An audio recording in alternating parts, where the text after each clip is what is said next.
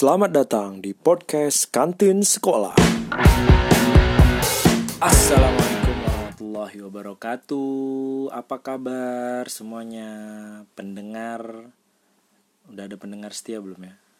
Pokoknya mau yang setia ataupun yang tidak setia, pendengar podcast Kantin Sekolah. Huh. Akhirnya kita sampai di episode kedua.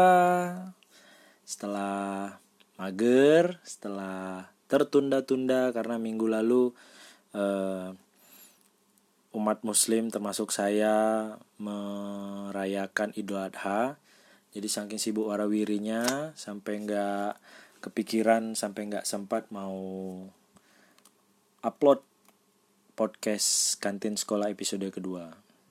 Tapi terima kasih terlebih dahulu buat teman-teman yang uh, sudah dengerin podcast kantin sekolah episode pertama. Terima kasih terima kasih terima kasih buat semuanya. Uh, walaupun kalian nggak ngasih tahu mungkin atau nggak nyebut kalian dengar tapi uh, di mana pun kalian terima kasih sekali. Mudah-mudahan bisa menghibur mudah-mudahan bisa membantu mengisi hari-hari teman-teman. Uh, Oke okay, teman-teman juga saya ingin ngucapin terima kasih buat teman-teman yang udah kasih masukan dan saran apa kurang-kurangnya kemarin podcast episode 1 mudah-mudahan bisa kita perbaiki di podcast episode kedua. Uh, buat teman-teman yang pengen submit cerita kita masih tunggu ceritanya di Instagram at kantin sekolah jadi kalau kalian punya cerita kalian DM aja ke kita atau tulis di komen. Nanti cerita kalian bakal kita bacain di sini. Berkenaan weh berkenaan. Uh, terkait dengan cerita teman-teman kemarin tuh ada yang ini ada yang protes sama saya. Uh, salah satu pendengar dari teman-teman dekat saya. Dia protes katanya uh, ini kan tentang cerita masa sekolah. Kenapa langsung bacain cerita orang? Kenapa nggak cerita dari yang punya podcast dulu yang diceritain? Iya tak iya pula. Kita kan uh, ini ya awam amatir. Jadi maklum aja Baik, karena ada permintaan, saya akan mencoba cerita. Uh, salah satu cerita yang dulu waktu sekolah tuh pernah bikin geger hidup saya. Jadi ceritanya ini cukup membuat uh, hidup saya tuh waktu itu ya namanya juga ceritanya itu terjadi waktu SD. Jadi namanya anak SD itu uh, belum punya pengalaman, belum punya pengetahuan apa pun, tiba-tiba terjadi hal yang saya rasakan waktu itu tuh rasanya dunia tuh kayak hancur, bingung mau ngapain. Uh, jadi uh, ini akan saya ceritain karena itu tadi permintaan uh, atau requestan dari teman-teman yang sudah dengerin podcast uh, kantin sekolah episode pertama. Buat teman-teman yang belum dengerin, teman-teman terserah mau dengerin episode berapa dulu episode 2 ini didengerin dulu juga nggak masalah. Mau dengerin episode 1 dulu juga nggak masalah karena nggak ada hubungan satu sama lain. Ya udah uh, apalagi ya mau disampaikan? Kayaknya nggak ada langsung aja kita masuk ke cerita pertama. Ini cerita real dari saya pribadi. Jadi cerita ini teman-teman terjadi waktu saya masih SD jadi saya masih ingat waktu itu uh, saya tinggal di sebuah kota kecil, tapi kota ini adalah salah satu ibu kota provinsi di Indonesia. Dan waktu itu saya baru aja selesai menerima ijazah kelulusan sekolah dasar atau SD. Jadi waktu itu adalah masa tenggang, masa di mana kita itu nggak nggak nggak sekolah karena e, waktu itu masih menunggu pengumuman pendaftaran SMP. Jadi kita banyak waktu luang, kita banyak waktu main. Saya waktu itu yang SD memanfaatkan lah untuk main-main, jumpa teman dan segala macam lah. Yang penting hari itu bebas, free karena udah lulus, belum masuk SMP, tapi juga bukan lagi anak SD. Nah, jadi waktu itu saya masih ingat itu pagi, tiba-tiba teman saya inisialnya D. Nah, si D ini datang ke rumah datang ke rumah manggil. Dulu kan tak pakai HP nggak punya HP jadi uh, kalau mau jumpa teman kita kita tuh manggil. Jadi teman saya itu manggil saya. Manggil manggil manggil terus saya keluar. Terus saya tanya nih tumben tumben nih uh, kita tuh nggak terlalu dekat tapi sering main. Tapi nggak nggak akrab. Sering pas-pasan aja di tempat main lapangan gitu dia manggil di belakang dia udah rame nih teman-teman yang lain. Saya bilang ada apa nih? Dia bilang mau jajan mainan tak. Ayo ikut. Hah? Serius? Saya bilang kan. E, soalnya saya taunya anak ini emang agak kaya tapi nggak yang kaya-kaya banget. Terus kok tiba-tiba ngajakin beli mainan? Karena di belakang dia sudah rame teman-teman saya termasuk teman-teman segeng saya waktu SD. Ikutlah saya. Pergilah kami bersama-sama tuh rame anak-anak waktu itu. Ada agak 10 anak-anak waktu itu, kecil-kecil. Yang paling gede itu kelas 2 SMP. Uh, namanya kita sebut aja Bang A. Jadi ada teman saya yang ngajakin jajan mainan namanya si D dan ada yang paling tua waktu itu Abang A. Abang A lah yang memimpin di depan. Di belakangnya ada si D, baru di belakangnya kami-kami ini yang coro-coro. Pergilah kami ke salah satu supermarket deket dari rumah kita atau tempat main kita. Sampai di supermarket, teman saya si D ini bilang, Dah, kalian pilih mau mainan apa, kalian boleh ambil semuanya. Anak-anak ditawarin mainan, kebetulan waktu itu lagi musim Tamiya, dan digratisin ya pasti kalah pada rebutan. Akhirnya supermarketnya heboh. Semua teman-teman saya termasuk abang A tadi si D enggak, tapi abang A dan teman-teman saya artinya ada 10 orang ya sama si abang A sama si D 11. 10 orang itulah langsung kayak gerebek pasar. Supermarketnya diobrak-abrik mencari mainan yang waktu itu lagi musim Tamiya yang nama dan bodinya langka akhirnya semua udah pegang mainan nih satu-satu udah pegang Tamiya satu-satu termasuk saya juga udah pegang Tamiya waktu itu ngantri bayar dan ternyata memang benar-benar dibayar sama teman saya satu-satu Tamiya itu dibayar. Waktu itu saya masih ingat harga Tamiyanya 19.000 apa 20.000 itu satu kotak. Itu Tamiya KW nggak asli. Bukan yang merek bintang 2 Tamiya tapi yang merek uh, biasa lah abal-abal. Tapi itu udah cukup senang dulu mainnya. Satu-satu tuh 10 orang dibayarin. Jadi kalau dihitung-hitung duitnya tuh habis lebih kurang 190 ribu sampai 200 ribu. Di mana tahun itu tahun 2003 saya, saat saya lulus SD duit segitu itu nggak sedikit. 200 ribu habis untuk bayarin mainan. Pas kita keluar supermarket dengan senang dengan bahagia nih bangga nih udah pegang Tamiya nih satu-satu masing-masing. Tiba-tiba sebelum pulang kita ditahan sama si D. Ada apa lagi nih ya kan? Ternyata si D ngajakin kita semua untuk ke warnet game.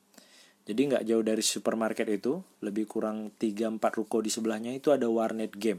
Dan waktu itu game yang lagi hits itu Counter Strike. Dan warnet itu baru buka. Jadi warnet itu semacam barang mewah.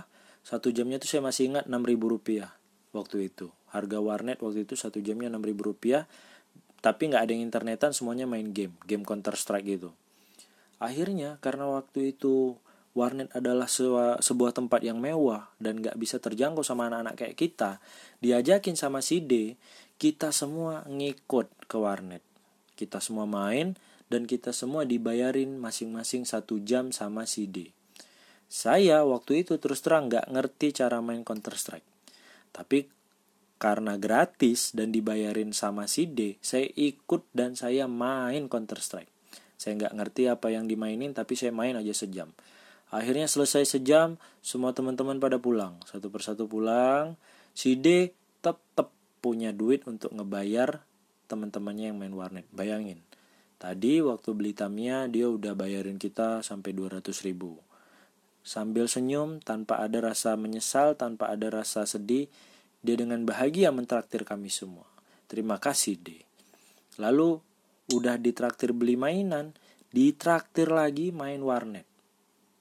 Main game Counter Strike. Walaupun saya nggak ngerti, jadi sejam itu saya nggak tahu ngapain. Saya pokoknya megang komputer karena nggak punya komputer dan rasanya senang sekali. Ya udah main aja. Akhirnya selesai dari main warnet, kita semua pulang ke rumah masing-masing tanpa ada rasa uh, curiga atau apa pun. Akhirnya kita semua pulang. Dan besoknya di jam yang sama saat si D ngajakin kami belanja mainan, datanglah abang A ke rumah saya. Awalnya saya uh, baru bangun tidur gitu kan. Jadi ini udah besoknya si abang A datang manggil saya. Karena waktu itu belum ada HP jadi dia manggil depan rumah sambil mukanya kayak panik gitu. Saya yang baru bangun tidur tuh antara sadar antara goyang bingung nih ada apa. Di sebelahnya ada teman saya juga yang waktu itu juga ikutan beli mainan. Si abang A lalu ngomong wah bahaya nih. Rupanya si D semalam jajanin kita pakai duit yang dia curi dari rumah temennya. Saya yang ngedenger itu langsung tepuk jidat. Uh emang ini nih penyakit si D. Dan kami waktu itu nggak kepikiran kalau dia jajanin kami pakai duit curian. Karena setahu kami bapaknya si ini kerja kapal. Dan setiap pulang memang yang namanya kami di sini taunya orang kerja kapal itu duitnya banyak. Mungkin si D ini dikasih duit sama bapaknya. Pikir kami waktu itu. Ternyata besoknya lah baru ketahuan. Abang ada datang ke rumah saya ternyata duitnya curian. Dan saat itu kami semua yang ikut menikmati duit itu dipanggil ke SD saya yang baru saya lulus dan baru saya nerima ijazah. Saya harus ke SD saya itu lagi untuk disidang. Akhirnya berkumpullah kami beramai-ramai. Abang A yang paling tua di antara kami bersikeras. Dia ngomong bahwa kita akan kasih tahu, kita akan bela diri bahwa kita tidak tahu itu uang curian. Kita taunya ditraktir dan kita tidak menyangka dia tidak ngasih tahu itu duit dari mana yang jelas kita taunya kita diajakin sama dia si D tadi dan kita ngikutin pokoknya kita harus membela diri kita harus berani kita harus ngomong di depan orang tua yang duitnya dicuri dan di depan kepala sekolah SD itu karena kebetulan si D ini satu SD dengan saya dan duit orang tua temennya yang dia curi itu juga satu SD. Jadi orang tuanya ini ngelapor ke SD bahwa duitnya itu dicuri. Kemungkinan si D ternyata terbukti si D yang waktu itu main ke rumah teman saya siang-siang. Selesai si D main, duitnya hilang. Makanya eh, kasus ini diselesaikan sama kepala sekolah SD kami. Akhirnya kami beramai-ramai berbondong-bondong berangkatlah jalan kaki ke sekolah saya itu. Sampai di sekolah, kami sudah ditunggu sama kepala sekolah, kami sudah ditunggu sama orang tua, dan kami ditunggu sama seseorang yang rambutnya cepak. Waktu itu banyak yang bilang bapak itu polisi. Kepala sekolah langsung menyuruh kami semua masuk ke dalam sebuah ruangan yang sudah disusun meja berbentuk persegi empat. Jadi kami duduknya melingkar gitu. Sebelum sebelum kami masuk ke ruangan tuh kepala sekolahnya ngelihat saya terus melotot sambil ngomong hmm engkau ikut-ikut engkau eh kalau tahu engkau macam gini ijazah kau tak aku kasih kata kepala sekolah saya waktu itu. Saya sempat berpikir untung aja ijazah saya sudah diambil. Kalau tidak alamatlah nganggur setahun. Lalu dimulailah sidang. Satu persatu ditanya dibeliin apa sama si D tadi? Pada umumnya semua menjawab sama. Uh, dibeliin mainan dan ditraktir uh, warnet sama si D tadi. Dan lucunya si abang A tadi yang sebelum berangkat itu ngotot. Pokoknya kita harus ngomong. Begitu ditanya sebelum menjawab udah nangis duluan si abang A.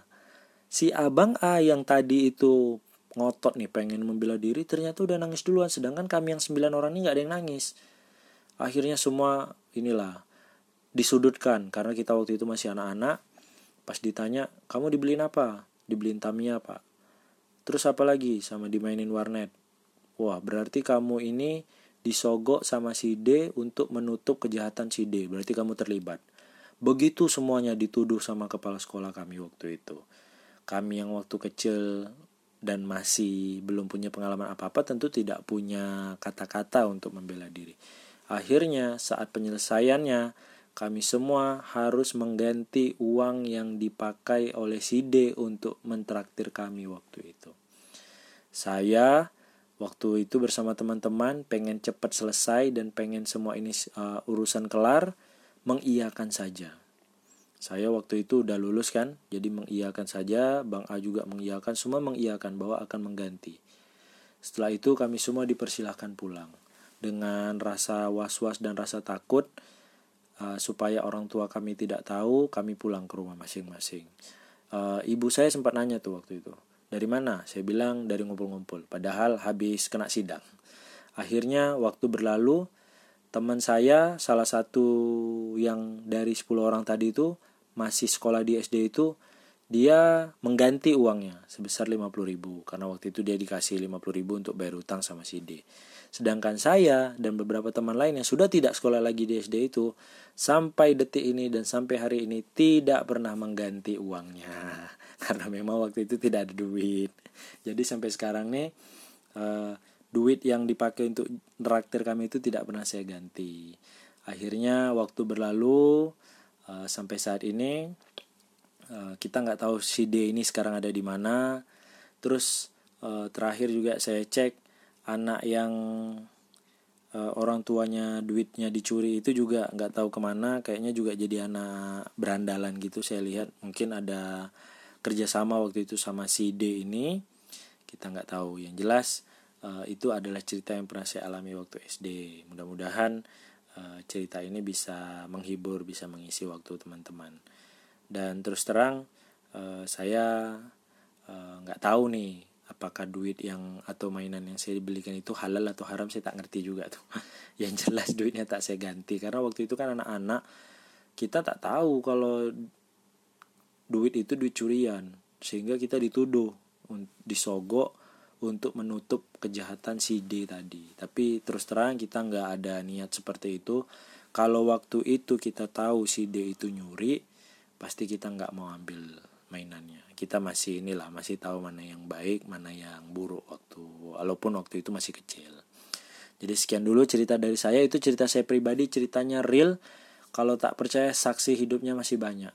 Dari 10 orang yang kena itu 10-10-nya saat ini masih hidup.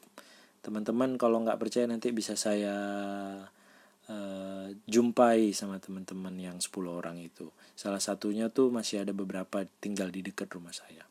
Terima kasih yang udah mau dengar. Kita lanjut ke cerita berikutnya. Ya jadi uh, memang uh, teman saya itu ajaib memang sampai sekarang tuh kita nyebut namanya D D maling. D itu ada panjangnya namanya. Jadi kalau ditanya eh kok masih ingat D tak? D mana? D maling? Oh D itu. Langsung semuanya tapi kita nggak tahu sekarang dia ada di mana. Ya namanya juga anak-anaknya macam-macam. Masih kecil udah bakat jadi koruptor. Maling duit orang tua temen. Mungkin teman-teman punya uh, sahabat yang suka maling juga bisa share-share sama kita di Instagram @pod kantin sekolah Baik, kita lanjut ke cerita berikutnya. Nah, cerita berikutnya ini kiriman dari salah satu teman pot kantin sekolah, tapi dia nggak mau disebutin namanya karena ceritanya katanya juga mengandung unsur pelanggaran dan unsur kriminal. Jadi langsung aja kita mulai. Halo podcast kantin sekolah. Terima kasih uh, saya sudah diberi kesempatan untuk membacakan cerita saya. Mudah-mudahan cerita saya bisa menghibur dan bisa uh, memberikan pengalaman menarik bagi teman-teman yang mendengarkan di seluruh Indonesia. Baik, cerita ini terjadi saat saya masih SMA. Yang saya atau lebih tepatnya kami, berarti rame-rame ya, pernah melakukan sebuah skandal tentang seorang teman dan sahabat saya sehingga dia bisa mendapatkan ranking 1. Sebut saja nama sang sahabat ini sebagai Anon. Sang Anon memiliki reputasi sebagai siswa yang biasa-biasa saja. Saat kelas 1 dan 2, ranking 20-an ke atas. Sedangkan jumlah siswa di kelas saya waktu itu sekitar 25 siswa. Tidak ada yang kurang. Dia cuma malas belajar karena cukup nakal. Kita tidak usah bahas kenakalannya sebagai ilustrasi nih ya teman-teman biar teman-teman paham kalau saya nakalnya level 6, dia level 9. Dari skala 1 sampai 10. Nah, jadi segitu level nakalnya. Dia ini sangat terkenal di lingkungan BK dan tidak ada guru yang tidak tahu dengan reputasi minus si Anon ini. Bisa teman-teman bayangin ya gimana nakalnya si Anon. Nah, Salah seorang guru BK, ibu waktu itu, ibu guru BK, menurut kami resek. Apa sih resek bahasa Indonesianya? Pokoknya tuh ada aja yang diusik dan diganggu oleh beliau. Dan beliau ini agak berat sebelah atau pilih kasih terhadap siswa yang dikenal baik, juara kelas dan semacamnya. Hingga suatu hari sebelum ulangan cau, waktu itu masih catur ulan, ulangan itu dilaksanakan per empat bulan. Jadi waktu itu sebelum ulangan Chow 1, beliau bilang begini. Kalian kalau bandel semua, bakal kayak si Anon. Mana bisa anak begitu belajar, apalagi dapat ranking.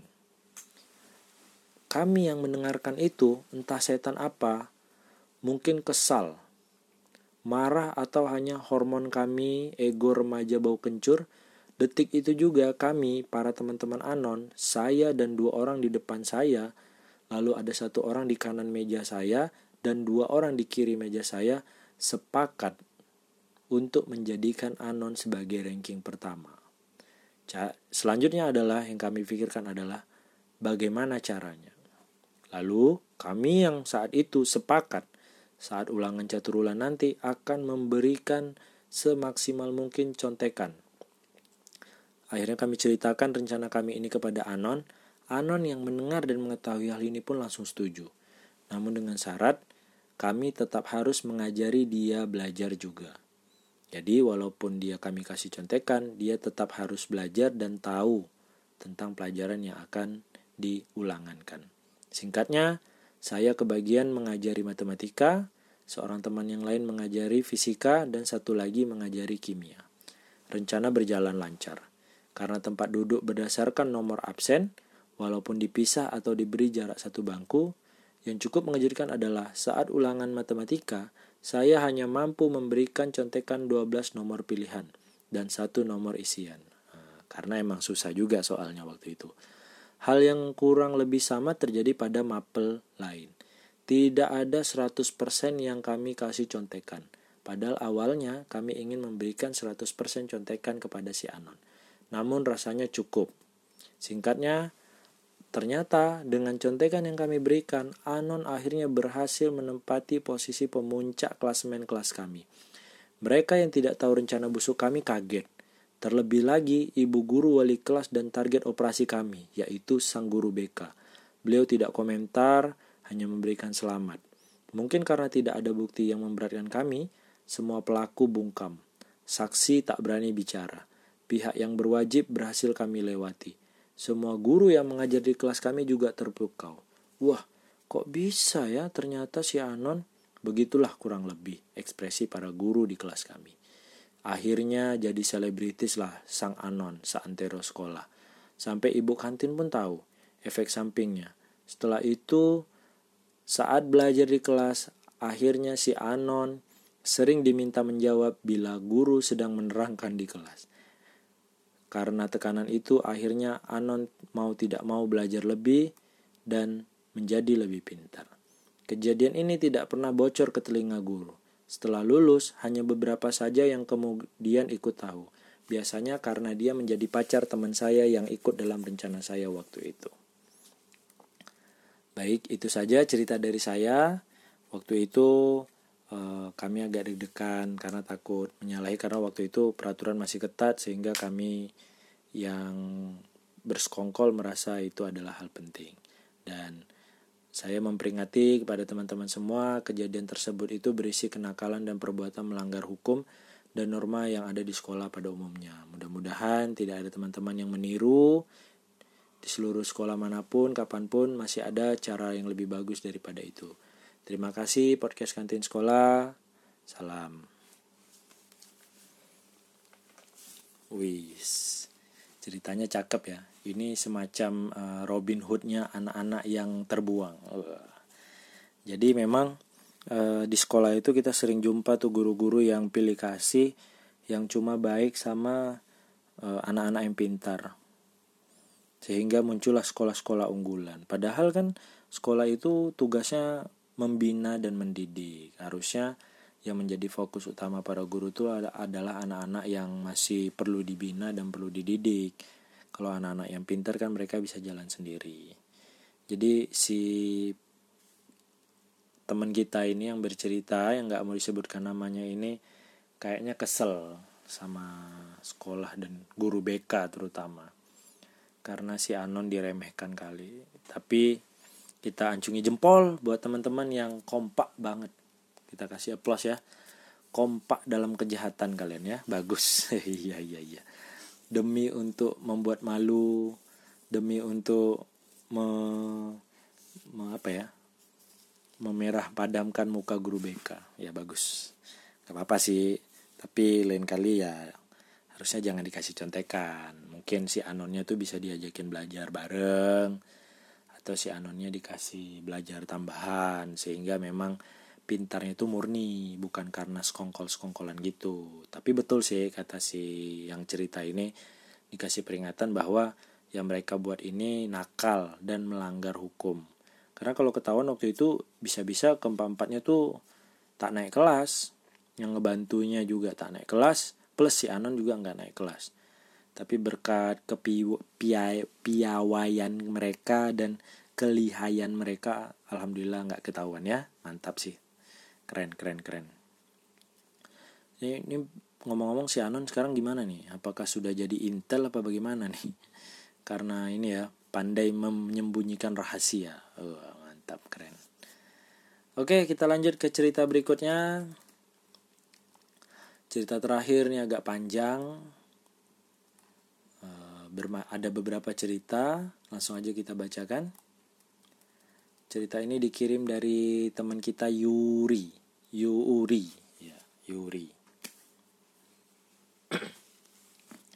Oke langsung aja. Halo podcast kantin sekolah. Apa kabar semuanya? Mudah-mudahan semua dalam keadaan baik-baik saja.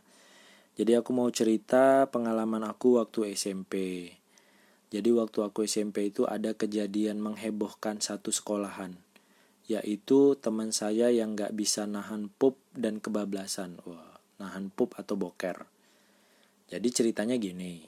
Waktu itu kan lagi belajar nih dalam kelas kayaknya si A ini sebut aja teman saya A mungkin udah mules saking mulesnya itu nggak bisa ditahan jadi dia itu boker atau pup di celana dalam kondisi masih duduk di kursi sebenarnya teman-teman di kelas itu udah mulai nih mencium bau-bau nggak enak.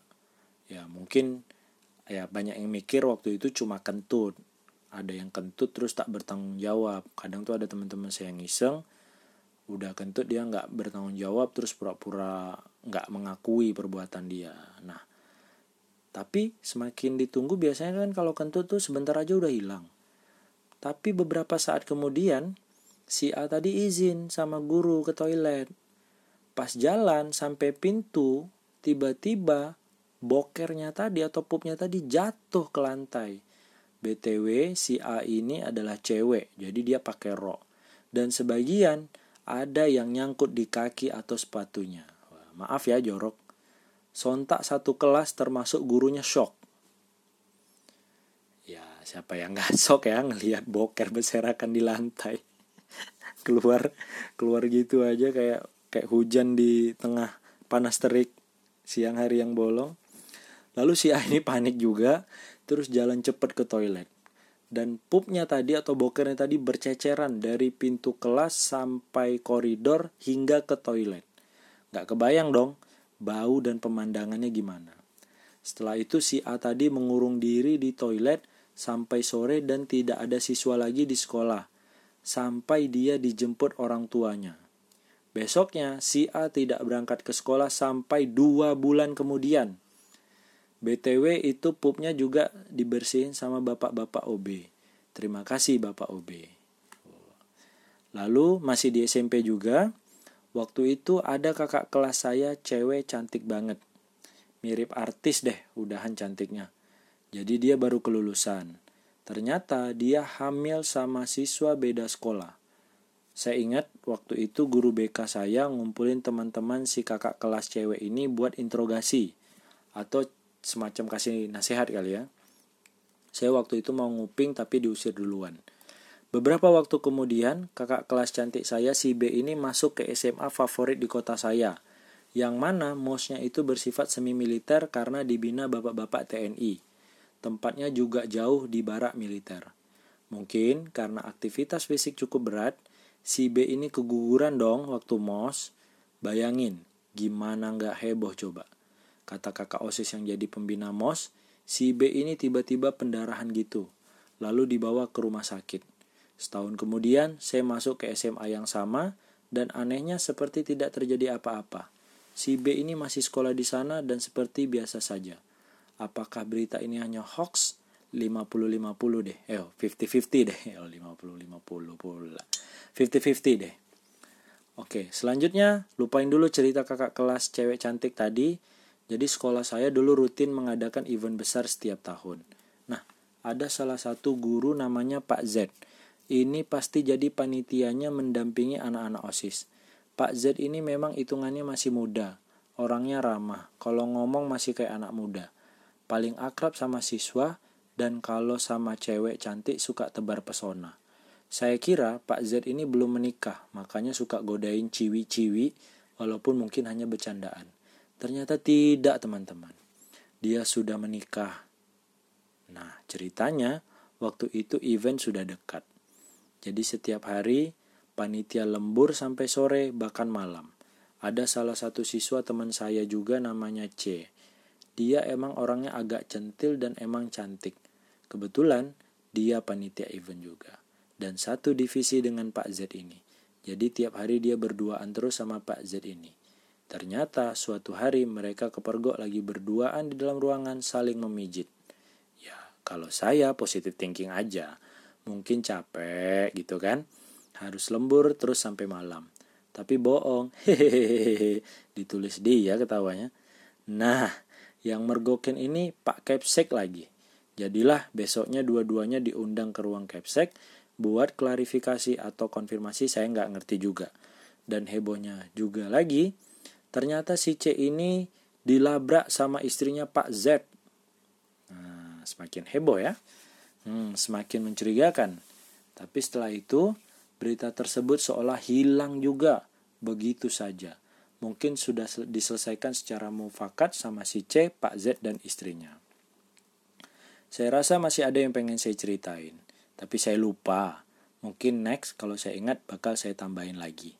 Terima kasih podcast kantin sekolah. Sampai berjumpa lagi di cerita-cerita saya berikutnya.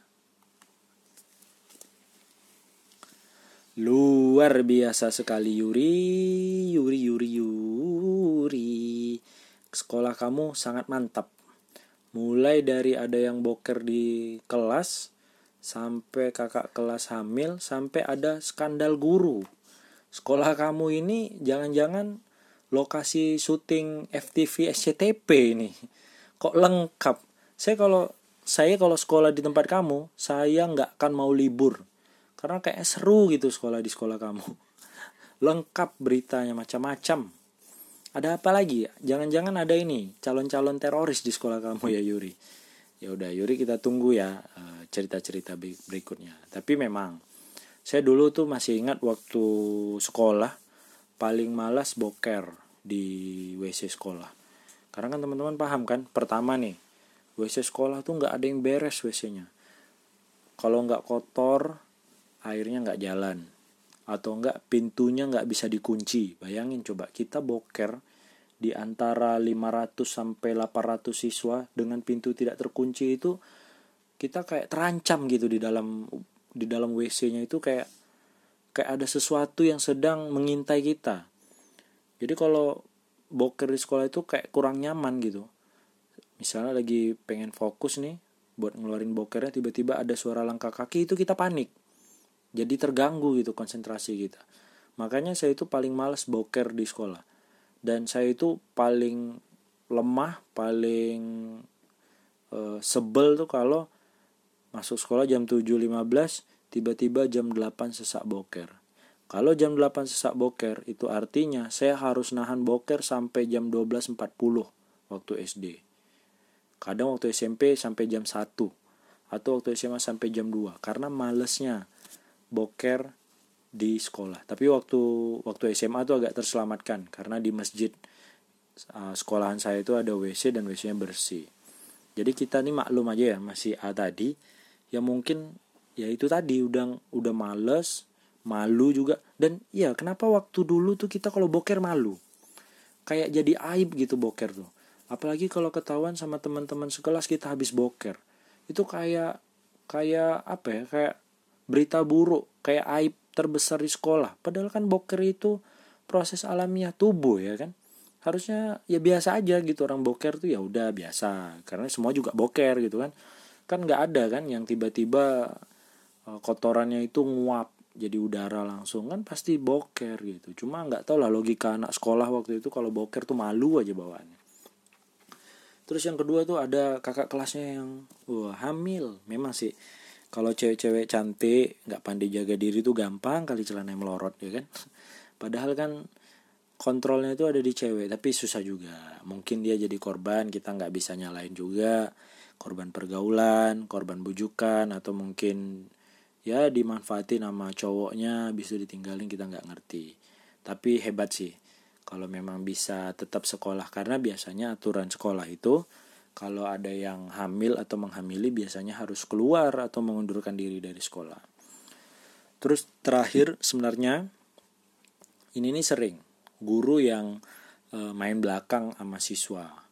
Uh, sebenarnya kalau kayak di kalangan para guru itu ada nih guru-guru yang kayak uh, dia PDKT sama siswa buat main-main buat cari kesenangan tuh banyak sih biasanya cuma yang ketahuan kayak gini nih hanya beberapa di situlah mungkin kita bisa uh, mengatakan bahwa ketidaksesuaian antara pekerjaan dengan tingkah laku yang harus dilakukan. Padahal kan yang namanya guru itu dari namanya saja tuh adalah yang digugu dan yang ditiru.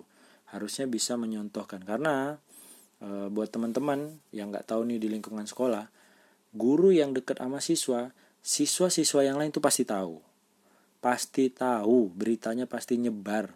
Jadi harusnya si guru ini malu sebenarnya. Jadi kalau jadi guru itu kita harus pandai memberi batasan atau memberi garis atau memberi e, semacam pagar-pagar agar siswa tidak terlalu takut dengan guru tapi juga e, tidak terlalu kaku.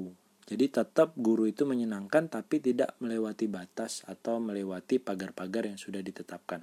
Dan itu biasanya yang memberi batas itu guru harusnya. Karena kalau siswa mereka kan masih dalam tahap belajar, masih dalam tahap mencari pengalaman, masih dalam tahap ingin tahu yang tinggi, maka mereka pasti ingin melakukan apa saja. Sedangkan guru yang sudah tahu harusnya bisa memagar. Biasanya sih gitu ya teman-teman ya. Tapi nggak tahu nih apa yang terjadi sama si Pak Z tadi. Mungkin hilap. Ini kalau di Pak Z ini nggak jauh-jauh nih namanya nih. Kalau udah Z, uh, pasti Pak Pak itulah Pak. Saya nggak enak sih mau nyebut nih karena kan nama guru Z itu terbatas ya di Indonesia nih inisialnya gampang kali ketahuan nih Pak Z tapi mudah-mudahan uh, guru-guru yang kayak Pak Z ini uh, hilang melalui seleksi alam. Jadi pelan-pelan uh, beranjak hilang sehingga tinggal guru-guru yang baik-baik aja tinggal guru-guru yang teladan-teladan aja tinggal guru-guru yang memang bisa memajukan sumber daya manusia Indonesia untuk menjadi lebih baik ke depannya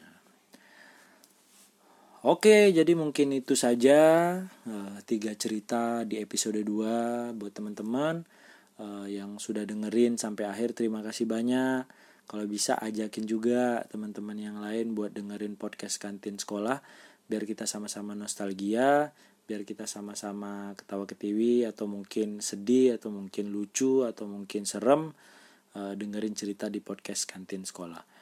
Oh ya buat teman-teman sekali lagi jangan lupa kalau ada yang mau cerita submit cerita teman-teman bisa langsung DM kita di Instagram di @podkantinsekolah.